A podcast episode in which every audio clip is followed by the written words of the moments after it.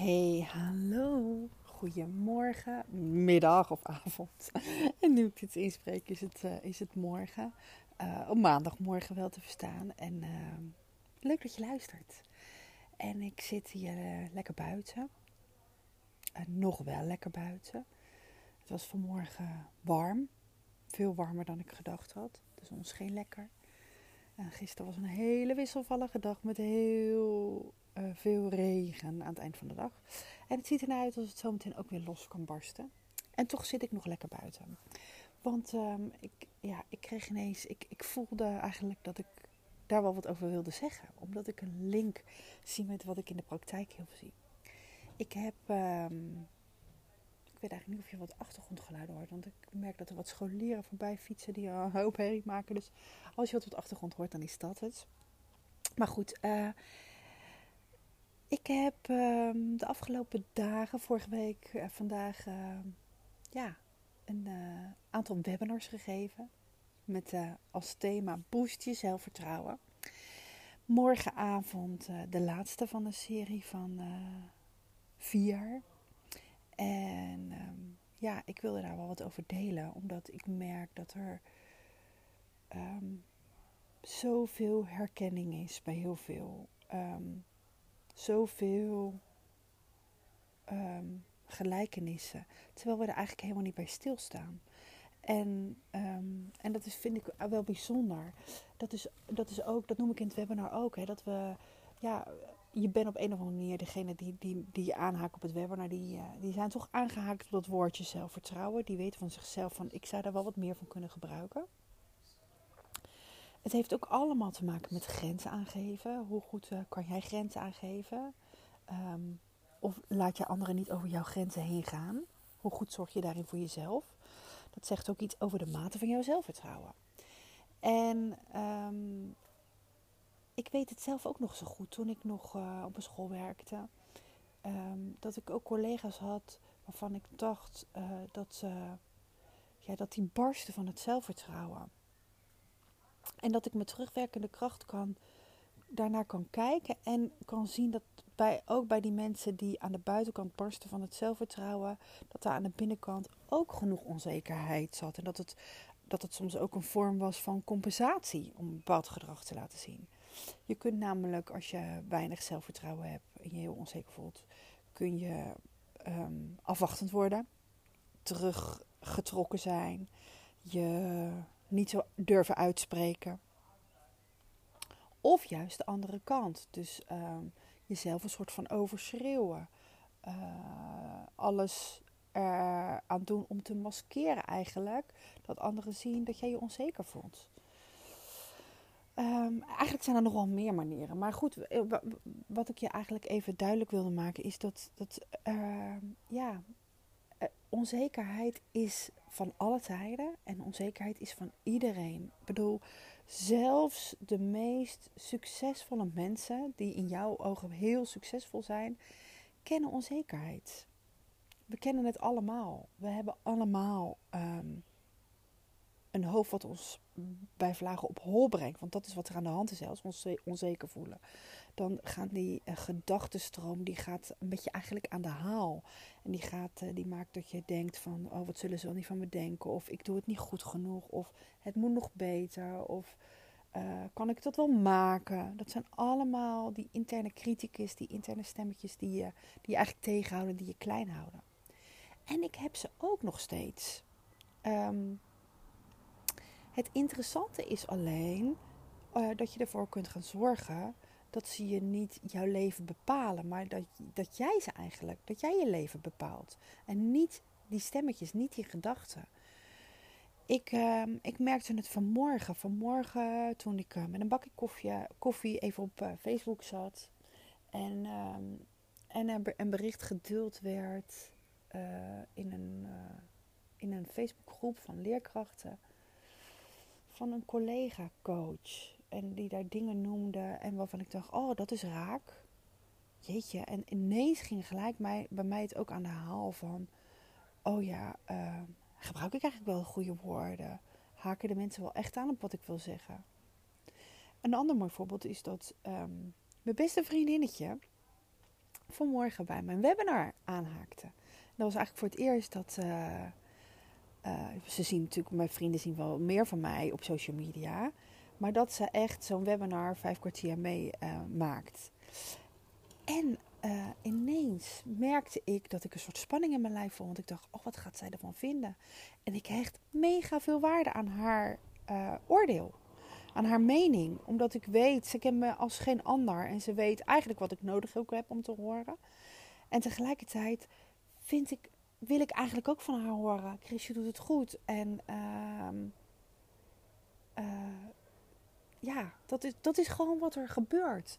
In een split second zijn zulke soort gedachten er. En uh, wat mij helpt is om echt um, het even om het op te merken bij jezelf. Om even uit te tunen. Ik noem het altijd even in die derde positie, in die helikopterview te gaan. Even bij jezelf bewust te worden van hé, hey, waar ben ik nu mee bezig? En er nog niet eens per se in eerste instantie gelijk wat mee hoeven doen. Maar wees het je gewoon alvast eens bewust van hé, hey, dit is wat ik doe. Oké, dit is gewoon wat ik doe. En daar ook gewoon oké mee zijn. Want uh, we willen graag um, veel controle. We willen graag grip op heel veel dingen krijgen. Um, en we kunnen echt ook wel grip krijgen op onze gedachten. Maar het helpt gewoon enorm door er in eerste instantie oké mee te zijn. En op te merken dat je het hebt en er oké mee te zijn. En een volgende stap kan dan zijn om te bedenken van... Hoe wil ik eigenlijk denken over deze situatie? als ik even bedenk uh, aan mijn situatie bijvoorbeeld met dat webinar wat mijn vriendin keek. Hoe wil ik, wil niet denken, uh, oh jee, wat zal ze ervan vinden? En ik wil daar geen vervelende kriebels van in mijn buik krijgen, want straks vindt ze het niet goed genoeg. Nee, ik wil denken, um, als ze feedback heeft, dan is dat waardevol voor me. Want dan kan ik er morgenavond wat mee doen. En uh, ik kan ook denken, het helpt mij ook om te denken: oké, fijn dat ze erbij was. En ik heb dit webinar niet voor haar gemaakt. Ik heb het voor anderen gemaakt. Dus als zij er niet op aanhaakt, is het ook oké. Dat zijn allemaal gedachten die mij helpen. Die me verder brengen. En ik merk ook, zodra ik ze nu, nu zo hardop in de podcast zo tegen je zeg, merk ik ook hoeveel rust het me geeft. En ik wil jou ook eens even uitdagen als je nu dit luistert. Ik weet zeker dat je kort geleden ook nog uh, gedachten had die je eigenlijk niet, niet hielpen. Bedenk eens even welke gedachte heb je pas nog gehad waarvan je dacht, ja nee, dat helpt me niet. Die houdt me tegen. Um, en dat kan over van alles gaan. Dat kan gaan over werk, dat kan gaan over voeding, dat kan gaan over tijd voor jezelf, over bewegen. Neem eens even één gedachte in je hoofd nu terwijl je luistert die uh, je tegenhoudt. Oké. En bedenk tegelijkertijd eens even hoe wil ik eigenlijk denken? Welke gedachte helpt me wel? En ik weet zeker dat er gelijk eigenlijk wat in je opkomt. Want we weten allemaal wel stiekem hoe we ons willen voelen. Hoe we willen denken. En als we ons denken veranderen, dan verandert ook ons gevoel. Dus bedenk eens even, hoe wil ik denken?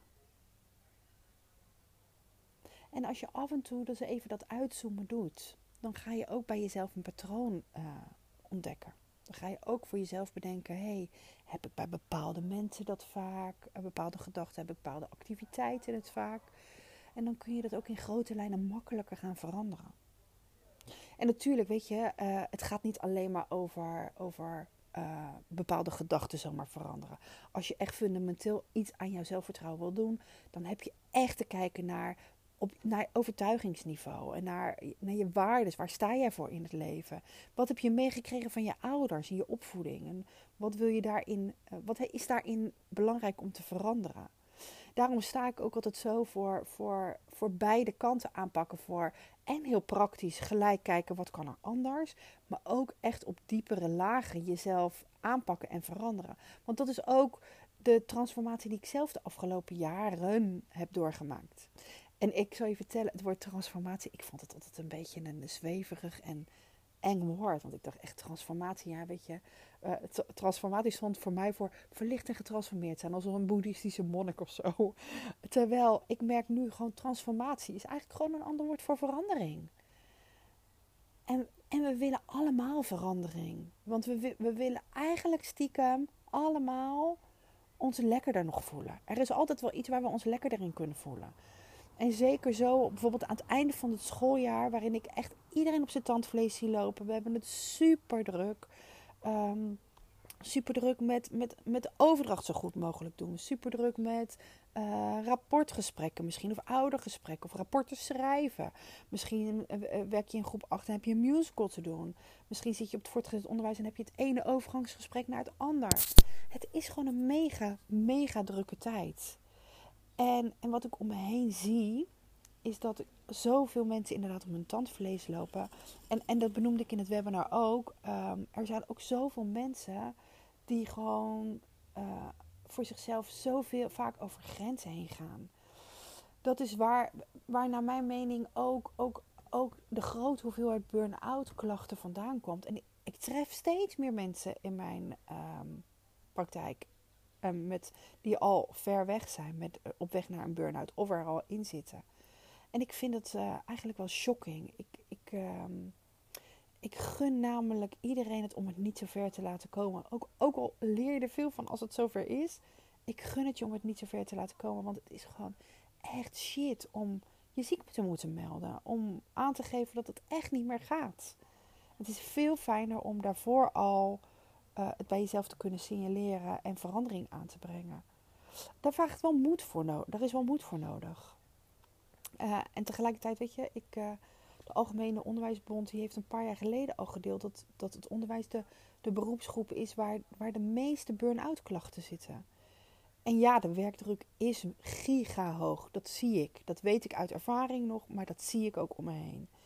En tuurlijk ligt daar wat bij de werkgevers, bij de directie, bij het uh, management, bij het bestuur, bij de overheid. En tegelijkertijd um, ligt er ook voor een heel, heel, heel groot deel bij jezelf. Want als jij jezelf beter kan managen, dan kun jij ook jouw werkdruk beter managen. Dan kun jij in ieder geval de hoeveelheid werk al niet meer als druk ervaren, maar gewoon als veel. En dat is echt anders. Als jij de baas bent over je gedachten, dan, kun jij, dan heb je invloed op hoe jij dingen ervaart. En dan heb je de regie over je leven. Daar heb je alleen wel wat voor te veranderen. Anders misschien tot de volgende keer. In ieder geval tof dat je weer luistert. Geluisterd hebt. Um, en uh, blijf kritisch hè, op die gedachten. Doei doei!